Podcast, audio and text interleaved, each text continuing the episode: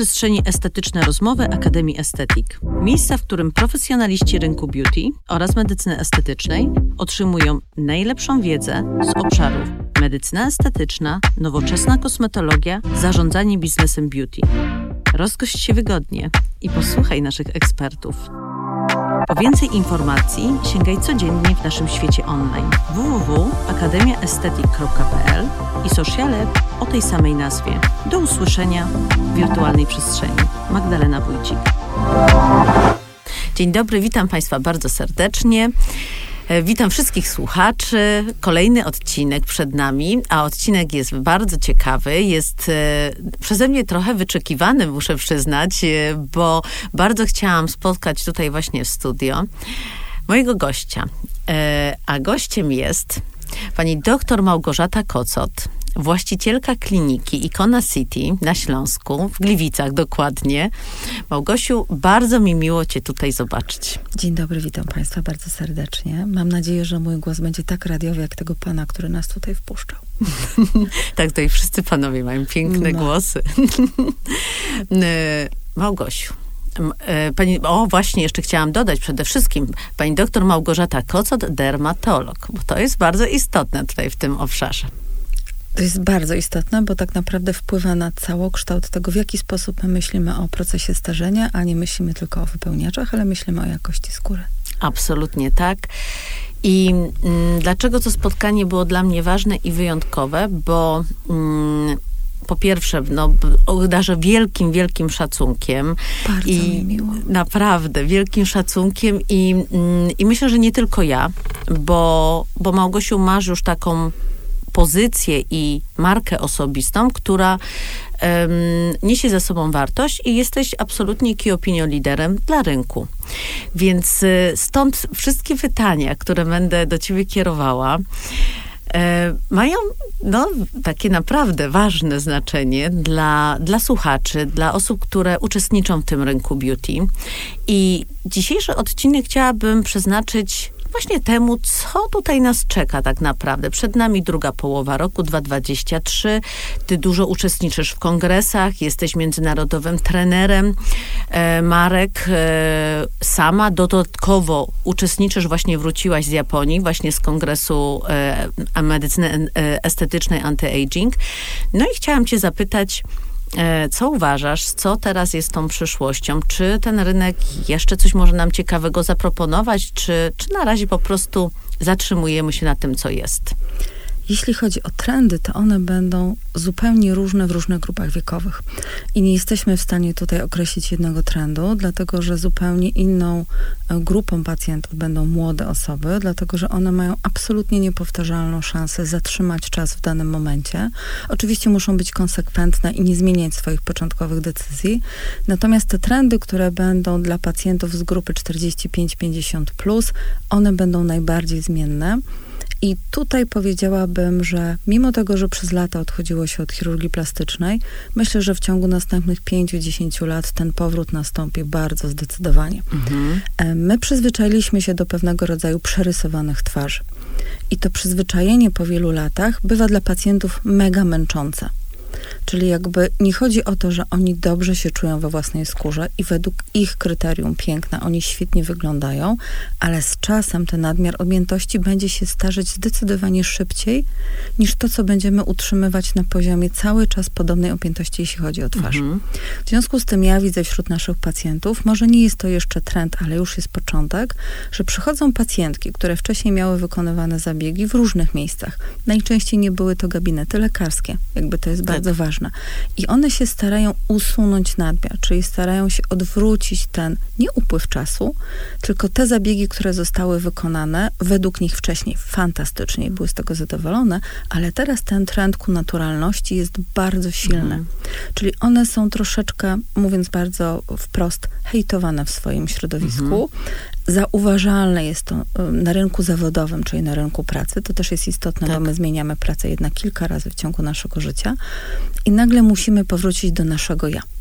E, I ten trend będzie ciężko odwrócić, czyli jeżeli nawet będziemy usuwać duże nadmiary objętości, to nie jesteśmy sobie w stanie poradzić z nadmiarem skóry, bo znowu musielibyśmy kolejną dawkę, tylko innego, być może lepszego preparatu użyć, żeby przywrócić tą poprzednią objętość. E, ja zauważam, że teraz te bardzo softowe zabiegi chirurgii czne, one się sprawdzają. Mhm. Czyli nie trzeba robić pełnych liftingów. Można mhm. zrobić mini liftingi, liftingi dolnej, górnej części twarzy i one wrócą do łask. Tak jak przez wiele lat osoby, które miały 55-60 lat, absolutnie nie myślały o chirurgii estetycznej. Myślały, że kwasem hialuronowym czy hydroksyapatytem wapnia da się zrobić wszystko. To niestety nie jesteśmy w takim wieku, że to wszystko jest dla nas dostępne. Ale wszystko jest dostępne dla pokolenia Z i dla milenialsów. W związku z tym te trendy trzeba będzie bardzo mocno rozgraniczyć. Mhm. E, niesamowite jest to, bo ja dokładnie o tym w dniu wczorajszym, wyobraź sobie, rozmawiałam z jedną z osób właśnie i to było też takie na zasadzie, wiesz, wydaje mi się, że tutaj musi ta chirurgia się pojawić. Musi e, się pojawić. No, że musi się pojawić właśnie, żeby to żeby właśnie tak naprawdę paradoksalnie wyglądać dalej naturalnie, tak? I, i bez żadnych właśnie takich y, no, dziwnych y, zmian w mimice twarzy i, Tym bardziej, i rysach. Że te oversize teraz są bardzo w modzie, ale głównie jeśli chodzi o fashion, w które się ubieramy, tak, natomiast tak. ten oversize na twarzy już jest zupełnie pasa. Tak. Druga część tego, części składowej, gdzie ta chirurgia plastyczna, czy nawet okuliści, okuliści zaczynają działać w tym rejonie, to jest górna i dolna powieka. I mimo tego, że oczywiście teraz triumfują na salonach medycyny estetycznej biostymulatory, szczególnie dopasowane do tej okolicy, my musimy pamiętać o tym, że ta okolica nie jest super bezpieczna, jeśli chodzi o zabiegi w 100% stymulujące czy wypełniające. E, dlatego, że jest to ważne. Oczywiście po 30 roku życia wszystkie kobiety zauważają cienie pod oczami, zmarszczki i generalnie im się to nie podoba. Zresztą patrząc nawet na rynek nie wypełniających produktów czy biorewitalizujących, ale kosmetyczne. To korektory pod oczy mhm. tak naprawdę są częściej używane przez naszych pacjentów niż kremy pod oczy. My mamy pacjentki, które bardzo dużo siebie inwestują i na pytanie, jaki krem pod oczy używają, patrzą bardzo zaskoczone, ale to nie ma być ten sam, który jest na całą twarz? Mhm. Zdecydowanie nie. W związku z tym wydaje mi się, że przed nami jest też taka część edukacyjna. E, ja po tym mm, kongresie w Japonii, to nie był kongres stricte anti-aging, mhm. to był investigative dermatology, był niezwykle ciekawy. Oni mają zupełnie inne spojrzenie. I jakby patrząc na to tak, będę troszeczkę że oczywiście żartobliwie o tym mówić, mhm. patrząc na osoby, które tam wykładały, to było niesamowite, bo byli dermatolodzy, którzy czasami nie mieli kontaktu z pacjentami, takiego jak my mhm. i w mhm. takim wymiarze. I oni byli bardzo zachowawczy w stosunku do tych odkryć, które nam przedstawiali. Natomiast na rynku beauty Mm, tak naprawdę my jesteśmy bardzo mało krytyczni do tego, co słyszymy i przyjmujemy każdą opinię za pewnik. E, przerażające dla mnie osobiście jest to, że zaczynają niektóre osoby, to głównie oczywiście nie są lekarze, ale wierzyć w trendy te, co się pojawiają na Instagramie. Instagram musimy zrozumieć, że jakby nie jest bańką informacyjną, a on jest bańką manipulacyjną, tak. czyli tak naprawdę my chcemy otworzyć nowe rejony, chcemy wpłynąć na pacjentów, zainspirować ich potrzeby, ale tak naprawdę my zawsze będziemy musieli na tej granicy etyki pilnować tego, żeby dla pacjenta to było bezpieczne. Ja uwielbiam PubMed i oczywiście w piątkowy i sobotni wieczór, jeżeli nie szkole akurat, bo teraz weekend spędziłam w Warszawie, to zaglądam sobie na wszystkie nowości i to jest dla mnie wiarygodna wiedza. I tam tych informacji o case study nawet, które publikują sami lekarze, jest dosyć dużo, czyli my tą wiedzę musimy, możemy czerpać od innych, nie musimy się sami uczyć na własnych błędach. Mhm. Super. Znaczy bardzo się cieszę i będę chciała, żebyś jeszcze troszeczkę opowiedziała o tym kongresie w Japonii. Bardzo ciekawe były sesje, one były zupełnie inne. Um, oczywiście nie było wypełniaczy, tak już bardzo trywializując. E, natomiast były niezwykle ciekawe sesje o akne. Mhm. E, I to, co my myślimy, i my bardzo stereotypujemy naszych pacjentów, leczenie pacjentów z trądzikiem dorosłych będzie dla nas dużym wyzwaniem, dlatego że większość populacji Z będzie w jakiś sposób stymulowana hormonalnie. Mhm. Jeżeli nie hormonalnie, w taki sposób, że jakby no, jest to antykoncepcja, leczymy zmiany trądzikowe, to w pewnym momencie te hormony będziemy chcieli odstawić. Druga część to są osoby, które są stymulowane w procesie in vitro. W związku z tym jakby ta baza hormonalna pojawia się w ciągu właściwie całego życia kobiet. Po czym dochodzi okres menopauzy tak. i my mamy kilka pacjentek, które po zbyt długotrwałym okresie stymulacji hormonalnej w okresie menopauzy również pojawiają się zmiany trądzikowe, co jest zaskakujące. Mhm. Wiesz co, ja sobie tak myślę, że właśnie t- tak jak nawet, wiesz, nawet w tym moim, tak jak mówię, obszarze, tam też właśnie wszystko się zmienia, dlatego że mm, e, w tym, tej komunikacji z pacjentem, jak my z nim rozmawiamy, to znowu się mówi od tej strony takiej psychologii komunikacji, psychologii sprzedaży, że y, zmienia się grupa odbiorców, zmienia się grupa pacjentów, ponieważ będzie coraz więcej osób wysoko wrażliwych, z różnymi, różnego rodzaju takimi, nawet to nie można mówić, że to są zaburzeniami, ale no właśnie z rodzajami e, autyzmu, ale to będą osoby, które cały czas sobie będą funkcjonować między nami e, i one będą inaczej się zachowywać i mieć inne potrzeby w gabinecie i to się już powolutku gdzieś zaczyna dziać, prawda? Powolutku, natomiast y, no właśnie ta stymulacja, zresztą ja powiem mm, tak, że też to widzę, czy właśnie wśród studentek, e, jak różne są osoby, jak się inaczej też mają podejście do Instagrama, właśnie do tych social mediów, które e, dla milenialsa są takim wow, no nie? Wy, uczestniczy w tym bardzo chętnie, a wcale dla pokolenia Z ten Instagram nie jest narzędziem pożądanym i nawet słyszę, że ma zablokowane, nie chce, bo to jest strata czasu, bo dla niej to jest e, mm, takie złe medium i, i to jest po prostu coś niebywałego. Naprawdę wszystko się zmienia. Wydaje mi się, że pokolenie Z lepiej korzysta z Instagrama, czyli ono korzysta z niego dla zabawy, czyli mhm. dokładnie tak, jak został Instagram stworzony, tak. natomiast nie jest dla nich bazą informacyjną, tak. nie jest nośnikiem wiedzy. Tak. Natomiast bardzo łatwo ulec Instagramowi, bo oczywiście są różnego rodzaju filmiki na YouTubie, bo Gen Z to YouTube, natomiast oni inaczej czerpią tą informację, tak. czyli jakby nie jest to przyjmowane ślepo, czyli jeżeli pojawia się trend, no bardzo duży trend kilka lat temu, jeżeli możemy tak przeskakiwać z tematu tak. na temat, to też jeśli chodzi chodzi o okolice oka, to oczywiście była Kendall Jenner i Foxy Eye. Mhm. Wszyscy chcieli to robić. Ale najmłodsze pokolenie nie chciało tak wyglądać.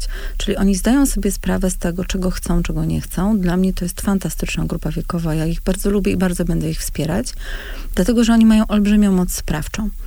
E, jeżeli będziemy kiedyś mogli przeprowadzić taki mały podcast o pokoleniach mm -hmm. i mhm. medycynie estetycznej, to myślę, że będzie jeszcze lepiej, bo myślę, że wielu z nas ma takie doświadczenia. Nie w gabinecie nie mamy tylko swojej grupy wiekowej, z którą się komunikujemy, tak. ale również inne grupy wiekowe. Ale oni Instagram przyjmują wprost. Zabawa, podpatrzenie, ale czerpie wiedzę z zupełnie innych źródeł. E, jeśli chodzi o okolice oka, bo do niej chciałam wrócić, mhm. E, i chirurgię plastyczną, to przestymulowanie, szczególnie górnej powieki, wcześniej się kończy źle dla pacjentów, niż to, że on nic nie robi. To jest paradoks. Czyli jakby my mamy coraz młodszych pacjentów, którzy będą wymagać tej opieki chirurgicznej, czyli mhm. będzie trzeba usunąć nadmiar skóry. I e, patrząc na to z punktu widzenia bardzo prymitywnego, czyli histologiczno-anatomiczno-embriologicznego, od siódmego tygodnia życia płodowego e, powieka i skóra na powiece cały czas nieustająco wzrastają. W związku z tym, jeżeli my mamy naturalny przyrost tkanek i jeszcze ją bardziej wystymulujemy, niż nam jest to potrzebne, tak. bo ta stymulacja jest tak. konieczna, ale przestymulowanie już niekoniecznie. No to niestety wcześniej czy później będziemy musieli sobie ten nadmiar skóry usunąć. Mhm. Drugą rzeczą jest fakt, że większość Polaków, bo my jesteśmy niezwykle otwartym narodem, to 98% naszej populacji to są Polacy. My jesteśmy bardzo jednorodną grupą etniczną. Ja myślę, że w ciągu następnych kolejnych 10 lat się to będzie zmieniać, ale póki co jesteśmy tak. tacy jednorodni. My jesteśmy brachycefalikami, czyli mamy część spłaszczoną kości jarzmowej, mamy bardzo mocno poszerzoną część łuku żuchwy i generalnie mamy lekko spłaszczoną część twarzoczaszki. Mhm. I ten układ oczu predysponuje nas do tego, że nadmiar skóry będzie wcześniej widoczny niż w przypadku innych nie wiem, populacji, które są w Europie. Mhm. I jeżeli będziemy cały czas chcieli pracować z toksyną botulinową, bo oczywiście to jest bardzo pożądany tak. efekt, to wywołujemy u pacjentów mega mocny przerost i zbyt wysokie podniesienie łuku brwi. Mhm. Oczywiście na początku pacjentom się to podoba, tak. natomiast przy 10-15 tak. latach, bo mówimy o takim tak, okresie tak, czasowym, tak, tak. wygląda to już niestety nie najlepiej. No ale to wystarczy nawet chociażby teraz, y, tak jak gdzieś tam rozmawiam z właśnie z, z dziewczynami, młodymi kobietami, no to pierwsze zabiegi toksyny wykonują gdzieś około 27-28 roku życia. No i dodamy sobie do tego 15 lat, no to mamy 43 lata, no i dziękuję. No i w związku z tym jakby ta chirurgia będzie tutaj bardzo powrotna. Mhm. Drugim trendem, który jest wśród biostymulatorów, to jest ogrom możliwości. I ten ogrom możliwości czasami bywa dla pacjentów zgubny. Czyli my musimy za nich podjąć decyzję i jeżeli pacjent będzie chciał zachować swoją objętość twarzy, to rodzaj przestymulowania, który jest częsty w czasie, będzie dla niego bardzo niekorzystny. E, jakby nie do końca jesteśmy w stanie przewidzieć reakcje tkanek głębokich.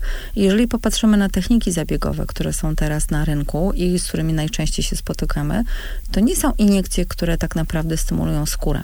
Wszyscy mhm. mówią o stymulacji skóry, a stymulują tkanki głębokie. Mhm. W związku z tym my nie wytwarzamy tam zbyt wielu włókien elastyny. Ta twarz może się zrobić dosyć sztywna i sztuczna, jeśli chodzi o dynamikę na twarzy i powodowanie łagodnego uśmiechu, który jest bardzo pożądany, mhm. ale będziemy powodować pewnego rodzaju sztywność. I te zabiegi, które ponad 20 lat temu triumfowały zawsze, czyli zwykła mezoterapia, tak. myślę, że ona wróci do łask. Dlatego, że tak naprawdę chodzi nam prawie zawsze o skórę. My tak. struktury kostnej, której niestety pozbywamy się już po 25 roku życia i niestety ubytki zaczynają być bardzo mocno widoczne, nie jesteśmy obecnie w stanie całkowicie odtworzyć. W związku z tym po tym boomie na biostymulatory spokojnie wrócimy do tego bezpiecznego mhm. trendu, gdzie kwas hialuronowy zawsze stanowił strukturę podporową, jest przewidywalny, jest ponad 20 lat dostępny i przede wszystkim wiemy, co się będzie z nim działo przez następne 20 lat.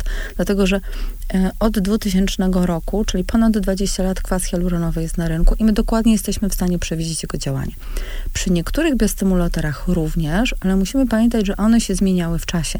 Czyli były zmieniane techniki rozpuszczania, techniki podawania, czyli jakby tutaj nie ma takiej stabilnej opcji, którą jesteśmy w stanie powiedzieć pacjentowi, ok, teraz zaczynając te zabiegi, za 20 mhm. lat pani będzie wyglądać w taki sposób.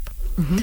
E, oczywiście są biostymulatory, które są na rynku bardzo długo i ja oczywiście mam do nich mega zaufanie. Tutaj szczególnie tak, zawsze sobie będę. na pewno za chwilkę ten temat dłużej omówimy. Ale jakby wszystkie nowości, które są, zawsze musimy być bardzo dokładnie, jeśli chodzi o procedury stosowania. Nie wprowadzamy własnych technik autorskich. To nie są produkty, które się pojawiły 5-10 lat temu, tak. na których my pracujemy i mamy doświadczenie. Najczęściej wracamy z kongresu, no bo kongresy są dla lekarzy niezwykle inspirujące. Nie tylko to są imprezy towarzyskie, jak czasami tak, się wszystkim tak, tak wydaje. Tak, Te wykłady, spotkanie z innymi ludźmi, przekazywanie sobie wiedzy, Dokładnie. to ma olbrzymi walor edukacyjny. Ale jakby wracamy natchnieni mhm. I nie zawsze to nasze natchnienie będzie dokładnie w tej technice, którą pracujemy do tej pory. W związku z tym, jeżeli chcemy podać nowe techniki, zawsze warto się zwrócić do firmy, która będzie dystrybuować dany produkt, żeby jednak poznać dokładne trendy i zalecenia firmy. Mhm. Pięknie.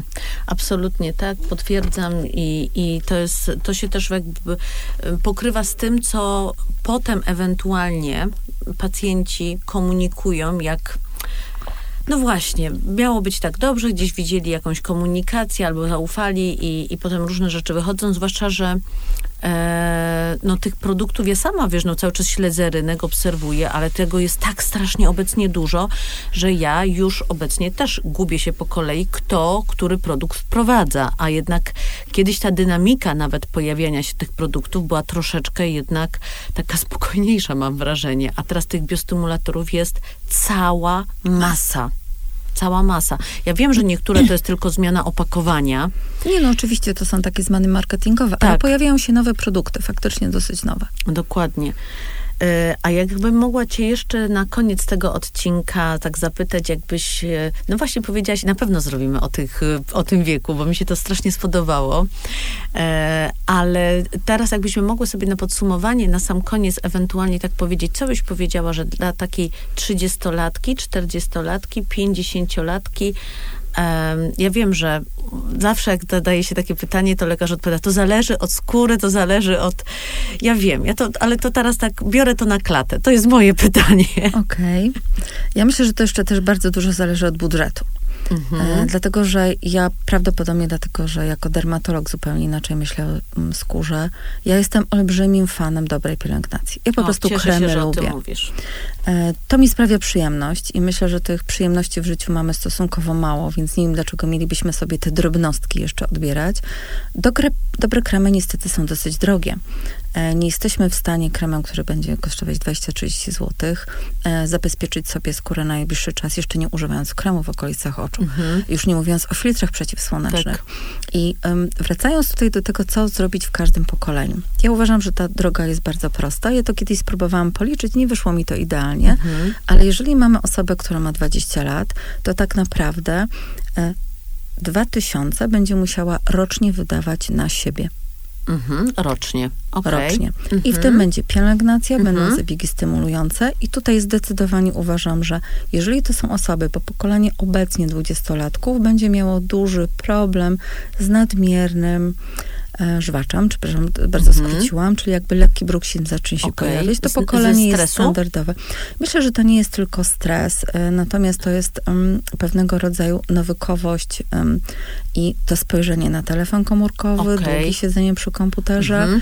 E, my troszeczkę zmuszamy, czy wpływamy na to pokolenie, żeby oni takie postawy przyjmowali. No przede wszystkim w czasie COVID-u wszyscy mieli zajęcia tak, online. Tak, tak. To nie była ich wina, to my zmusiliśmy I to jest dokładnie ta wada uh, wynikająca od postawy, od siedzenia. No niestety to się będzie pojawiać. Mhm. Natomiast wtedy pracujemy na bardzo małych dawkach. Mhm. Jeżeli mam, najmłodsza nasza pacjentka, która miała prawie, że zjedzone ząbki, miała lat 15, przyszła do nas z mamą i myślę, że tutaj stres covidowy miał bardzo duże mhm. znaczenie i siedzenie, i zgryzanie ząbków, mhm. i obgryzanie paznokci. W mhm. moim pokoleniu wszyscy obgryzali paznokci tak. i mm, teraz to pokolenie też tak będzie miało.